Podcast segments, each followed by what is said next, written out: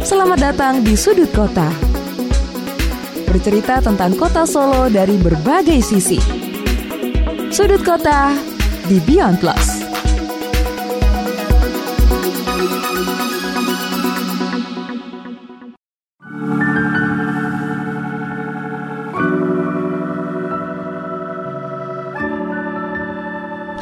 Saya Senja Kurnia, tuan rumah dari Sudut Kota.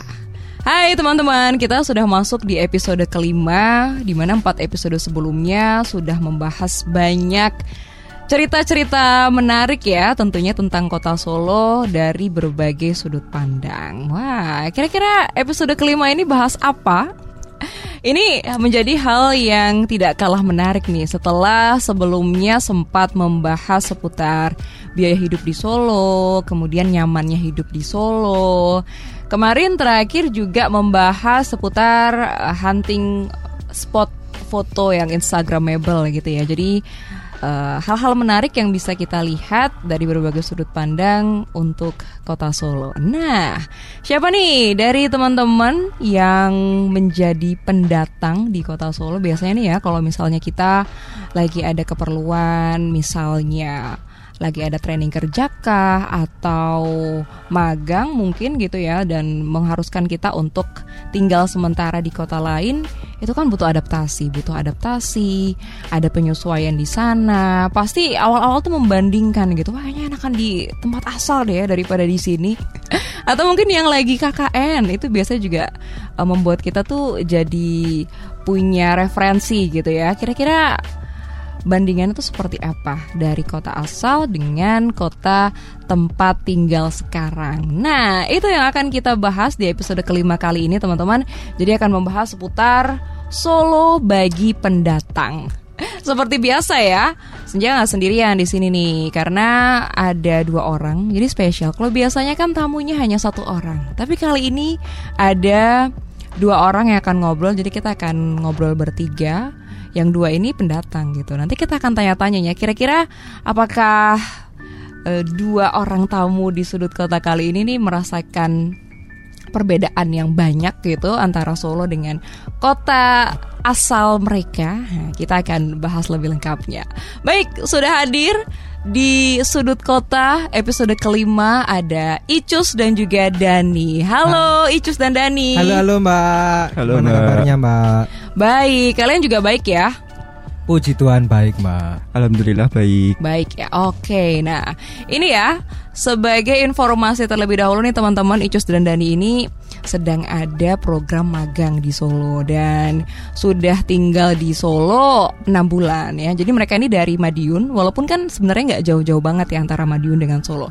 Tapi namanya juga itu bukan kota asalnya. Tentunya ini ada perbedaan-perbedaan yang mereka sudah jalani enam bulan ini ya. Nanti kita akan cari tahu deh kira-kira kesan-kesan mereka tuh setelah enam bulan di Solo tuh seperti apa. Wah, kita ke Icus dulu deh. Kayaknya udah semangat banget nih untuk sharing enam bulan. Walaupun Icus ini memang sering ke Solo ya, Cus ya. Betul sekali Mbak, sering ke Solo kalau akhir tahun biasanya Desember. Mhm, karena memang ada keluarga di sini. Ya, Iya. betul.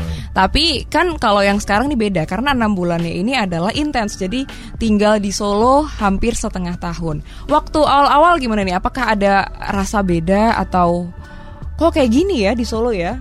Kalau di saya sih banyak sih Mbak kan dari mungkin dari pertama itu dari cuacanya terutama Mm-hmm. cuacanya. Kalau di Madiun sendiri itu kan nggak terlalu panas. Kalau di sini tuh ya bisa dibilang panas banget sih Mbak. Ya mungkin kan banyak banyak banyak juga kendaraan toh di sini. Terus Mhm. yang kedua di sini paling paling beda itu trafiknya mbak trafiknya ya begitulah trafiknya kota Solo kan bisa dibilang agak semrawut ya macet-macet di mana-mana terus Mhm. orang-orangnya juga agak nekat-nekat jadi kan kalau ke mana-mana mungkin agak takut kalau ke Keserempet ya. serempet atau ketabrak gimana kan apalagi kan mak-mak nekat kan juga berbahaya sih mbak Oke, jadi dari tata kotanya itu sudah terlihat berbeda. Emang kalau di Madiun tuh gimana sih? Apakah lebih damai, tentram gitu atau gimana nih? Ya bisa dibilang lebih damai sih mbak karena kan populasi motornya juga nggak terlalu banyak terus ya orangnya juga lo ya nyantai-nyantai sih mbak orangnya gitu Karena mungkin eh, lebih apa ya bisa dibilang aktivitasnya tuh lebih banyak di sini ya, Iya, lebih tinggi betul. di sini. Oke. Jadi itu ya kalau menurut Icus, kalau menurut Dani nih, gimana? Apakah memang sebelumnya sebelum magang di Solo nih memang eh, sudah sering ke Solo atau ya baru ini nih enam bulan full ada di Solo? Eh, kalau sebelumnya sih pernah sekali kalau nggak salah ke Solo, tapi udah kayak yang dulu waktu SD gitu. Terus eh, ini kebetulan eh, dikasih eh, apa eh, kesempatan buat eh, magang di Solo ini, gitu. Oke, nah ini kan berarti kan ke Solo dulu waktu masih kecil banget. Jelas dong beda banget ya dengan Solo yang sekarang. Ingat nggak dulu Solo tuh gimana? Terus dibandingkan dengan yang sekarang tuh kayak gimana bedanya? Eh, kalau eh, seingatku itu Solo dulu nggak serame yang sekarang ya. Ya itu udah pasti juga sih. Soalnya kan kayak eh, makin tahun tuh populasi penduduk makin banyak. Apalagi Mhm. kayak di Solo kan universitasnya juga banyak kan. Otomatis kayak pendatang-pendatang istilahnya jadi ngumpul di Solo semua gitu. Oke, nah itu kan tadi kan kalau di dari Icus kan dia bilangnya ini dari segi keramaian ya trafficnya itu memang jauh lebih berbeda. Kalau Dani apakah merasakan hal yang sama juga gitu? Jadi pas awal awal datang ke Solo tuh kayak mau nyebrang tuh takut karena wah ini kok kayak gini ya beda banget ya sama Madiun. Eh, iya sih kayak eh, kurang lebihnya sama aja kayak Icus. Cuma satu hal yang saya soroti itu lebih ke cuaca aja sih, Pak. Sama ya berarti ya ini ya. Iya, harus banget bawa kipas Oh, angin gitu. gitu. Kalau ke Solo, kalau buat saya, soalnya kayak panas banget gitu. Jadi eh, waktu pertama kali ngekos ke sini pun eh, saya nggak kepikiran bawa kipas juga. Jadi ya udah gi- gitu paling juga nggak terlalu panas. Eh Mhm. ternyata sampai di kosan tuh malah panas banget gitu. Akhirnya beli kipas sendiri di sini gitu. Gitu. Icus juga bawa kipas nggak ke sini? enggak sih mbak kebetulan pinjem pinjem ada pinjem sama saudara Oke, jadi dari cuacanya beda banget ya karena kan Madiun kan dataran tinggi ya yang jelas beda gitu. Tapi dari eh, kalau misalkan tadi kan cuacanya jelas beda, atau mungkin juga karena musimnya kemarau juga ya, ditambah udah solo panas, tambah kemarau lagi Mungkin, pas magangnya ya. Jadi bisa, emang eh, terasa beda dari cuaca dari segi eh, trafficnya juga jadi semakin padat nih. Terus nih kalau misalnya eh, dibandingkan dengan kota asal ada plus dan minusnya ya jelas kayak gitu. Misalnya nih ada yang bilang kalau di Solo tuh ke mana-mana deket. Kalau di kota lain tuh belum tentu seperti itu. Harus jauh misalnya mau ke pasar atau ke pusat perbelanjaan mau nonton bioskop atau apa. Kalau yang kalian rasain ini gimana nih? Tapi ini pandemi ya jadi mungkin jarang keluar juga ya. Siapa dulu nih? Icus dulu aku deh. dulu aja nggak apa-apa. Ya kalau menurutku sih ke mana-mana betul deket sih mbak. Mhm. Se- mungkin cari apa gitu dari toko satu ke toko satunya misalnya dari toko ini nggak ada cari ke toko satunya kan dekat jadi kan lebih mudah. Terus ya apalagi ya mungkin kalau aku sih dari kulinernya sih mbak. Kulinernya kan kayak ba- banyak pilihannya terus murah-murah dari dibandingkan di Madiun ya. Kalau oh di lebih murah di Solo? Lebih murah di Solo sih mbak. Hmm. lebih murah jauh lebih murah dan pilihannya lebih banyak nggak kalau di Madiun kan mungkin pecel soto Mhm. bakso itu itu aja kalau di sini kan Di lebih sini banyak kuliner dari luar negeri juga banyak ya Betul, walaupun iya. ya KW-KWan begitu Iya. ya. Oke, tadi ya jadi memang ya ada plus dan minusnya. Kalau tadi dibilang Icus kan dari mulai uh, kulinernya. Jadi berarti gini dong, godaan jajan jajan tuh semakin besar dong di sini. ya? godaan jajan dan kemungkinan kecil untuk menabung Loh, itu dari Icus nih. Kalau Dani sendiri gimana nih Dani? Apakah juga sama nih kalau dari segi jajanan tuh Solo lebih bervariasi gitu daripada kota asal? Eh, kalau dari segi jajanan sendiri bener ya emang kayak lebih bervariasi jadi kadang di Madiun eh, produk ini belum buka gitu kan biasanya just tipannya dari Solo semua kan mbak Hmm. nah kalau di sini tuh eh, mau beli ini ada mau beli ini ada gitu tinggal mau enggaknya ke tempatnya itu kan karena juga mungkin eh, mau ke tempatnya juga mager karena eh, lalu lintasnya kan ramai banget itu Mhm. jadi kalau nggak yang bener-bener penting banget gitu jadi kayak nggak Ya, dulu deh apalagi gitu. panas ya, Iya, keluar bener panas banget. jadi males. Oh mungkin karena mager itu tadi yang akhirnya Dani ini bisa cus nabung karena dia mager. mager nggak keluar ke mana-mana Kalau Mager itu kan membuat semangat hemat. ya untuk Iya. jajan, untuk explore, nyobain macam-macam gitu. Oh, kalau misalnya enam bulan ini nih ada kuliner yang dicoba terus kayak sebelumnya belum pernah dan di Madiun nggak ada gitu ada nggak sih yang kalian temui gitu? Yang jadi suka gitu? kalau aku sih semuanya suka sih mbak tapi aku cuma nyari satu itu yang belum makan cuma timlo sih mbak belum keturutan sampai sekarang Hmm, timlo nih ya, ya timlo nih salah satu kuliner khas Solo juga. Kalau Dani gimana Dan? Eh, kalau aku nasi liwet mbak. Eh, nah itu karena eh, di sana kan juga nggak ada, ada kayaknya, tapi aku belum pernah nyoba. Jadi Hmm. pertama kali datang ke sini tuh kan pasti cari tempat makan itu kan yang Iya. deket dulu sama kosan gitu kan. Dan di deket kosan itu ada eh, nasi liwet gitu. Jadi hampir setiap hari gitu tiga kali tiga kali sehari kayaknya dan itu kayak tiap hari dalam seminggu itu makannya nasi liwet terus gitu mbak tapi akhirnya eh, udah dapat alternatif makan lain jadi eh, udah nggak nasi liwet lagi tapi Oke. menurutku enak sih nasi liwet mbak Oke, jadi sampai sampai makan setiap hari itu ya karena di Madiun kalaupun ada rasanya be- beda gitu ya. Iya, Jadi memang jadi beda sih, Mbak. salah satu kuliner khas. Nah, itu tadi kalau dari variannya lebih banyak di Solo lebih banyak pilihan, terus juga eh, kita tuh bisa inilah ya. Kalau bosen tinggal cari yang lain, tinggal cari yang lain gitu. Kalau dari harganya sendiri nih, jajanan di Solo sama di Madiun nih perbandingannya gimana? Misal kalau di sini apa mbak cari bakso ya sema- Mhm. semangkok itu sepuluh ribu kan kalau di sini kan udah dapat banyak. Kalau di sana tuh sepuluh ribu ya mungkin apa mbak ba- masih sedikit sih kayak gitu sepuluh ribu sih. Dan kalau di sini kan sepuluh ribu misalnya atau lima belas ribu kan bisa dapat tiga varian makanan mungkin dari apa es teh atau nasi nasi makanan nasi atau gorengannya. Kalau di sana mungkin semungkin dari 15.000 ribu itu hanya es teh sama nasi tok Wah, lumayan banyak bedanya berarti ya. iya mbak Memang benar gitu dan. Eh, kalau aku sih kurang setuju mbak Oh gitu. sebenarnya. Oh ini ada perdebatan nah nih. gini jadi Gimana kalau Dani? mungkin kalau Icus kan eh, dia bilangnya lebih murah eh, di Solo gitu Mm-mm. kan kalau aku sebenarnya lebih ke 50-50 sih mbak Oke, ada yang lebih 50-50 murah ya. ada yang lebih murah di Solo Mhm. juga ada yang lebih murah di Madiun sebenarnya eh, kalau masalah harga itu lebih ke tempat jualannya sih mbak jadi kayak Hmm. sekiranya kita bisa ngelihat eh, misalnya kita lewat di mana bisa dilihat mata itu kayaknya kemungkinan ya harganya lebih eh, tinggi mungkin karena sewanya atau apanya gitu tapi kalau semisal kita punya kenalan di Solo atau di Mhm. Madiun gitu kan itu kan pasti udah hafal tuh tempat-tempatnya eh, makanannya yang enak di mana terus yang murah banget di mana sampai yang ke paling tinggi itu di mana tuh pasti eh, udah ada gitu jadi tergantung tempatnya gitu Oh gitu. Tapi kalau misalnya secara sehari-hari gitu ya dulu waktu eh, tinggal di Madiun terus sekarang di Solo 6 bulan ini apalagi kan ngekos ya. eh, pasti kan nyari makan sendiri gitu. Emang ada perbandingan harganya tuh jauh nggak sih kalau sama di sana? Untuk sehari-hari aja gitu. Jadi bukan buat jajan ya. Eh, lumayan sih mbak tapi nggak yang signifikan banget gitu jadi di sini tuh tiga ribu aja udah Mhm. dapat eh, nasi sama lauknya lengkap gitu. Bahkan udah dapat gorengannya juga. Jadi Iya. di sana mungkin masih tiga ribu itu belum sama kayak eh, gorengan-gorengannya gitu mbak. Paling cuma nasi sama lauk gitu.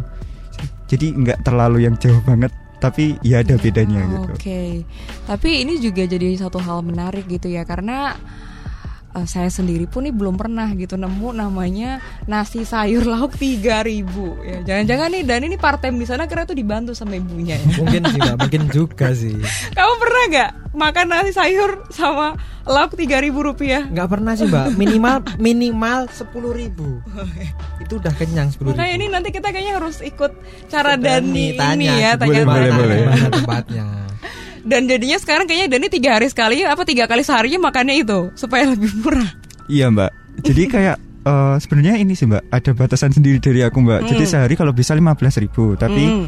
eh, Kalau kalau bisa kurang ya? Iya kalau bisa tiga ribu sembilan ribu dong sehari? Eh, masalahnya itu tutup tokonya tutupnya sampai siang doang mbak. Jadi Oh, pagi sama gitu. siangnya bisa 3000 tapi mungkin nanti eh, buat makan malamnya itu nanti kalau ada paling ya lima ribuan. Tapi kalau nggak ada paling jadi yang lebih mahal dikit gitu. Jadi eh, Mhm. ongkos pagi itu bisa ngurangin yang buat malamnya gitu. Oh, malamnya gitu. Jadi bisa spend lebih banyak. Pagi lebih murah, malam bisa lebih Iya. longgar dikit Tapi tetap gitu ya. 15.000, Tapi Mbak. tetap 15.000 ribu. Oh gitu. Jadi caranya ya.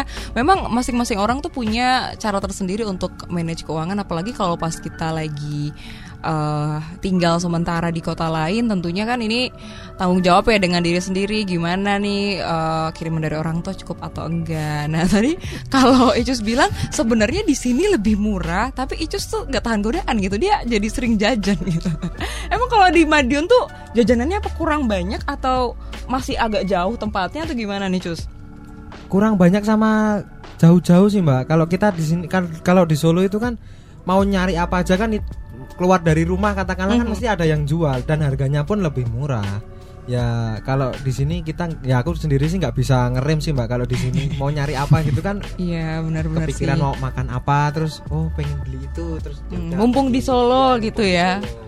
Oh gitu. Jadi memang eh, ya tergantung gimana kitanya berarti gitu ya. Kalau misalkan memang lagi mau jajan ya jajan tapi ya tadi dengan budgetnya masing-masing yang memang eh, ada beberapa yang berbeda gitu ya dari Madio. Nah, kan Icu sama Dani ini kan masih kuliah. Biasanya nih di Solo atau di kota-kota lain juga gitu sih. Jadi kawasan di sekitar kampus tuh biasanya jajanannya lebih banyak ya, terus juga lebih murah, lebih banyak eh, varian gitu. Tapi kalau di Madiun sendiri gimana sih kayak gitu juga atau tetap lebih rame di Solo? Kalau dari pilihannya sih lebih rame di Solo sih mbak. Kalau Mhm. di dekat kampus itu agak jauh se- sebenarnya. Agak paling ya sekitar mungkin ada 10 kilo harus naik motor gitu. Ya kita keluar bareng-bareng sama teman-teman mungkin baru milih Mhm. gitu-gitu. Tahu- Tahu-tahu terus dikabarin di grup WA dosanya udah ada. Kalau di sini Wah bolos dong ya 10 kilo balik kampus. ya harus bolak-balik sih mbak agak jauh. kalau Dani gimana Dan?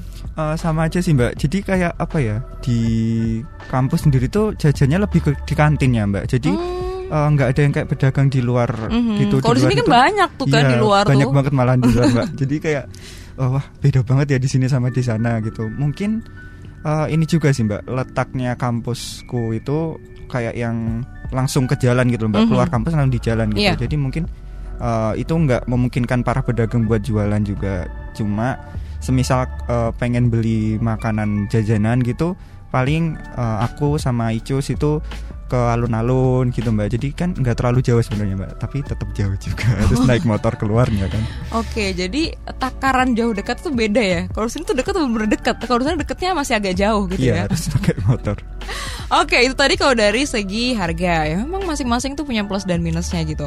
Nah, kalau dari orang-orangnya nih. Karena kan walaupun Madiun dengan Solo ini tidak begitu jauh, tapi udah beda provinsi nih ya. Ya, betul. Ya udah Jawa Timur, Madiun udah Jawa Timur dan ini Jawa Tengah. Sedangkan eh, banyak tuh kesan-kesan kalau orang yang bukan dari Solo datang ke Solo tuh, wah ini alus-alus banget. Oh kok eh, beda banget ya suasananya kalau di Solo yang bikin akhirnya tuh apa ya semacam merasa lebih nyaman gitu. Kalau yang eh, Dani sama Icus rasain tuh gimana?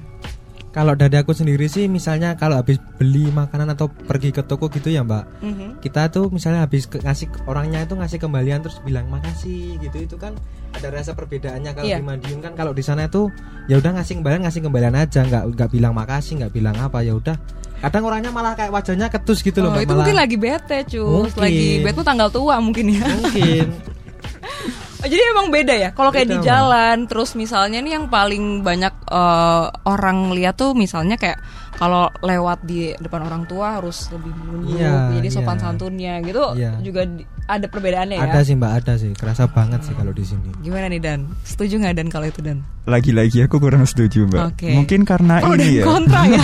ya, banyak pro kontra mbak sih Karena kita mungkin- ya kan memang masing-masing punya pendapat Iya, sendiri-sendiri. daerahnya juga mungkin masih beda di aku sama Icus mbak Mhm. jadi eh, kalau aku di sini tuh malah nggak ngerasa terlalu beda banget sih mbak jadi kayak bahasanya sama-sama Jawa. Terus Mhm. kayak kalau lewat mungkin naik motor masih eh, apa namanya masih bilang monggo. Mhm. terus kayak lewat di depan orang masih nunduk kayak gitu tuh sama banget sih mbak. Terus kayak bahasanya juga eh, mirip-mirip. Jadi kalau misal beli di eh, ibu-ibu penjual makanan gitu bisa pakai bahasa Jawa mungkin ada lebih kortingannya ya, gitu kan ya mbak. Terus tapi kadang tuh susahnya lebih ke ini sih mbak nama nama makanan atau bahasanya gitu kadang berbeda jadi ibunya Hmm. nggak tahu kayak sebagai Contohnya apa nih contohnya contohnya? nih kayak tahu isi itu kan kalau di daerah aku namanya tahu isi kan mbak kalau di Mhm. sini tuh namanya tahu susur kalau Oh, iya. salah, Mbak. jadi ibunya jadi bingung gitu mbak itu apa gitu gitu sih Oke, jadi beberapa istilah yang berbeda, tapi kalau dari segi ya memang iya sih ya. Jadi nggak kayak benar-benar bukan orang Solo banget gitu, karena kan bahasanya tuh masih mirip-mirip. Ya begitulah ya. Jadi memang kalau kita tuh lagi ada di suatu kota, apalagi nih bukan hanya sekedar piknik gitu ya, karena tinggal sementara dan enam bulan. Sebentar lagi mau balik dong ya ini ya. Iya sih mbak, ya bulan November mbak, 15 Bulan November. Di sini waktu itu dari bulan Kita dari bulan Juni, awal Juni. awal Juni wah cukup lama juga. Jadi dari pertengahan sampai dengan akhir tahun. Nah Dani sama Cus ini kan mahasiswa nih dan habis ini juga akan ngerjain tugas akhir dan lulus gitu. Nah apakah ada bayangan nih setelah membandingkan antara Madiun dengan Solo? Kayaknya nih aku ntar kerjanya di Madiun aja atau di Solo aja. Tapi sebelumnya coba deh kalau misalkan dari dunia kerjanya sendiri kalau kalian lihat tuh seperti apa di Madiun dengan di Solo Kalau menurutku sendiri sih apa ya mbak, lebih nanti ke depannya sih akan memilih dan tinggal di memilih kerja dan tinggal di kota Solo sih karena untuk pilihan tempat kerjanya dan apa UMR-nya sendiri pun lebih besar Solo. Kalau di Madiun kan kurang dari 2 juta sih kan Mhm. kayak 2 Yang juta. tahun ini ya? tahun ini kurang dari dan kalau aku nggak salah baca kan Solo UMR-nya tahun ini kan 2 juta eh, lebih lah 2 juta lebih lah kan ya dan itu juga kan menjadi pertimbangan toh Mhm. untuk ke depannya gimana nanti mau milih kerja di mana kalau aku sih ya itu sih Mbak. karena memang mungkin eh, dirasa juga peluangnya lebih besar Iya, gitu ya betul. untuk pilihan-pilihan ketika nanti terjun di dunia kerja. Kalau Dani gimana nih Dani kalau Dani melihatnya? Alhamdulillah sekarang saya setuju sama Icis mbak Oh, akhirnya ya. Akhirnya, Pertanyaan Mbak. terakhir. Kalian sepakat juga ya. Gimana nih Dan? Eh, kalau aku lebih pilih ke Solo juga mbak karena Hmm. kayak eh, sektor-sektor yang eh, sekiranya bisa eh, saya minati itu Mhm. banyak di Solo daripada di Madiun jadi eh, menurutku kemungkinan buat eh, kerjanya lebih tinggi tapi eh, bukan berarti lebih tinggi itu kayak langsung kerja juga enggak tapi Mhm. kayak persaingan juga otomatis makin tinggi juga kan mbak kan eh, Solo Raya itu eh, banyak Banyak. lebar. dan juga jadi satu gitu istilahnya. Jadi kalau aku pribadi lebih pilih di Solo juga. Tapi untuk tinggalnya masih belum kepikiran baru eh, buat ke apa karir ke depannya di Hmm. mana gitu. Oke, jadi ya dirasa jauh lebih apa ya punya bayangan gitu ya untuk di Solo. Tapi kalau tinggal tetap enak di Madiun nih berarti nih. Enggak sih Mbak, kalau aku nggak setuju sama Dani sih. Kalau aku Iya, ya kalau aku- lebih setuju di, lebih Ini kayaknya dia Solo emang sih, pengennya main-main terus soalnya ya keluar-keluar gitu. Sepertinya gitu mbak. Gimana, Cus? Ya kalau aku sih enak di Solo sih Mbak kan ya sudah terbiasa kehidupan di Solo juga saudara-saudara kan juga banyak di Solo ya. Ya aku lebih memilih di Solo sih Mbak. Jadi ini ya apa namanya udah cocok lah ya Ya, dengan Solo cocok. ya. Kalau Dani gimana dan kalau dari eh, tinggalnya emang lebih enak di sana atau kayaknya nanti kalau di Solo berarti ya harus mulai ini ya menyesuaikan diri ya. Kayaknya untuk saat ini masih lebih enak di sana sih mbak karena mungkin ya di Hmm. Dingin sininya ya nggak usah ya, pakai kipas terus- berarti irit listrik ya dan Iya. ya. Pasti mbak kalau itu ya. Terus eh, kayak mungkin masih butuh waktu lebih sih mbak. Mhm. Mungkin aku buat eh, di Solo. Kalau itu sendiri kan mungkin dulu udah pernah di Solo. Mhm. Jadi mungkin udah terbiasa sama atmosfernya Solo kan. Kalau aku masih belum. Mungkin eh, nanti ke depannya mungkin bisa berubah pikiran gitu mbak. Oke deh, wah yang jelas nih habis ini akan kembali lagi sementara karena untuk menyelesaikan tugas akhir ya. Iya. Nanti kalau kangen Solo bisa main loh ya. Iya. Jangan Mbak. lupa loh ya. Siap. Oke, terima kasih ya dari dan juga Icus Ya, yang Mbak. sudah bersedia jadi tamu di episode kelima untuk sudut kota teman-teman nih. Nah, nanti kira-kira episode berikutnya kita akan bahas apa? Simak di podcast Beyond Plus yang hadir dari hari Senin ya, setiap hari Senin, pekan pertama dan juga pekan ketiga. Jadi langsung search saja podcast Beyond Plus untuk cari sudut kota. Dan akhirnya saya tuan rumah Sudut Kota Senja Kurnia pamit undur diri. Beyond Plus, tell the truth.